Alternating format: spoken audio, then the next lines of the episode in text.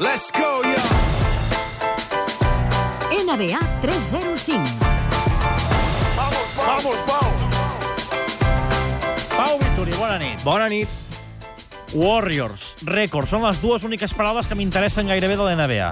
Doncs escolta això i sortiràs de dubtes. Final eight seconds. That one blocked. No need to shoot. No need to foul. The Golden State Warriors have equaled the Chicago Bulls as the only two teams in NBA history to be 72 wins. And one game remaining on Wednesday. Ja l'hem igualat. A un partit del final ja l'hem igualat. Correcte, ja la primera Ja part del... Oh, la era primera part, la primera part només, eh, que és igualar les patit, 72 eh? victòries. Que per cert han fet un altre rècord, que és guanyar 34 fora de casa, que no ho havia fet ni, ni els Bulls de Jordan. I en dies parells també hi ha algun rècord? Uh, no ho sé, no ho sé. Uh, la segona part del rècord te l'explico en uns minuts. Ah, bé, uh, en tot cas, on ha guanyat en aquest últim partit? Mira, avui han guanyat a San Antonio. A més, és una victòria molt especial perquè els Warriors feia 19 anys que no guanyaven a San Antonio i aquí no és com el futbol que juga un cop, o el bàsquet mateix, que juga un cop per temporada o visites un cop per temporada, sinó que allà hi vas dues vegades, normalment. Ah. Uh, per tant, portaven 33 partits consecutius perdent i, a més, uh, els Spurs encara no havien perdut a casa en tot l'any. Uh, portaven un 39 a 0. Per tant, doncs, home, victòria especial. I avui, el, el que no té victòria especial és Pau Gasol, que ja sabem que se li acaba la temporada. Sí, els Bulls han dit que no jugarà els dos últims partits. Uh, a més, acaba contracte amb Chicago uh, la seva quinzena temporada a l'NBA. Veurem què passa perquè, doncs això, uh, l'estiu és agent lliure i té pinta, té pinta que no seguirà a Chicago, la veritat. O sigui que, bé, ja veurem què passa amb el Pau Gasol, serà, suposo, un dels temes Sí, ja en parlarem, dels, que, ja en parlarem. dels que tindrem a partir d'ara.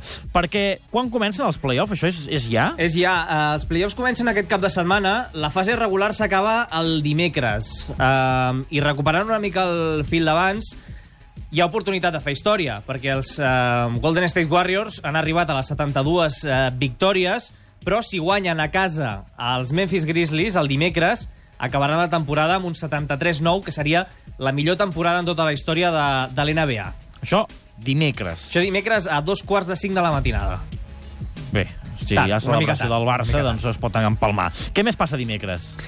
Hi ha protagonisme compartit, perquè dimecres es retira Kobe Bryant. També n'hem sigui, parlat ja molt, és eh? l'últim... Ha fet una retirada itinerant, però aquest ja és l'últim dels últims dels últims? Dels ultimíssims. És l'últim de tots. Hi ha un Lakers-Utah a Los Angeles i Nike, que és la marca que el patrocina, li patrocina les Bambes, doncs ha instaurat el 13 d'abril, aquest dimecres, com el Mamba Day.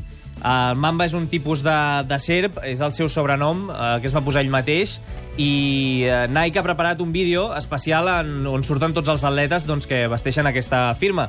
I si et sembla, això diuen de Kobe Bryant. The words that come to my mind when I hear Black Mamba 2-4, number 8, man, the, the one and only. Aí de sempre querer ser melhor do que ele mesmo. He's so good at what he does. Tener cinco anillos y querer seis. One word that summarizes Kobe. Unstoppable. Clutch. 勇气，Ejemplo, Selfish. Obsessive. Tough. Winner. Leader. fearless, Competitor. Unpredictable. Respect. Relentless. genial, Maniac. legend. So, He reconegut Sí, ha reconegut algun, no? Piqué, i pot ser Mascherano, que fa una paraula sola? Na- Eh, Mascherano i també Iniesta, eh? Surten fent una paraula al final. Sí, sí, és el vídeo que ha preparat Nike per aquest partit. Molt bé, clar, televisivament, televisivament que, que, com ho faran les teles? Perquè tenen rècord i tenen Kobe Bryant, què té més pes? Sí, t'explico perquè... Polèmica no, però sí que han fet un canvi d'última hora. La ESPN havia de fer el copiat de Kobe Bryant, el Lakers Jazz, però l'han passat a la segona cadena, a ESPN 2, i la principal farà el partit entre els Warriors i els Grizzlies. Per tant, li donen més volada i prova d'això, per exemple, és que si ara mateix entreu a la web de ESPN, hi ha una pestanya a NBA eh, dedicada exclusivament a Stephen Curry, que es diu Nothing About Steph. Sí, és a com dir, si, com si aquí li féssim a Messi. Correcte, és com si entres al futbol eh, i posen allà eh, Leo Messi.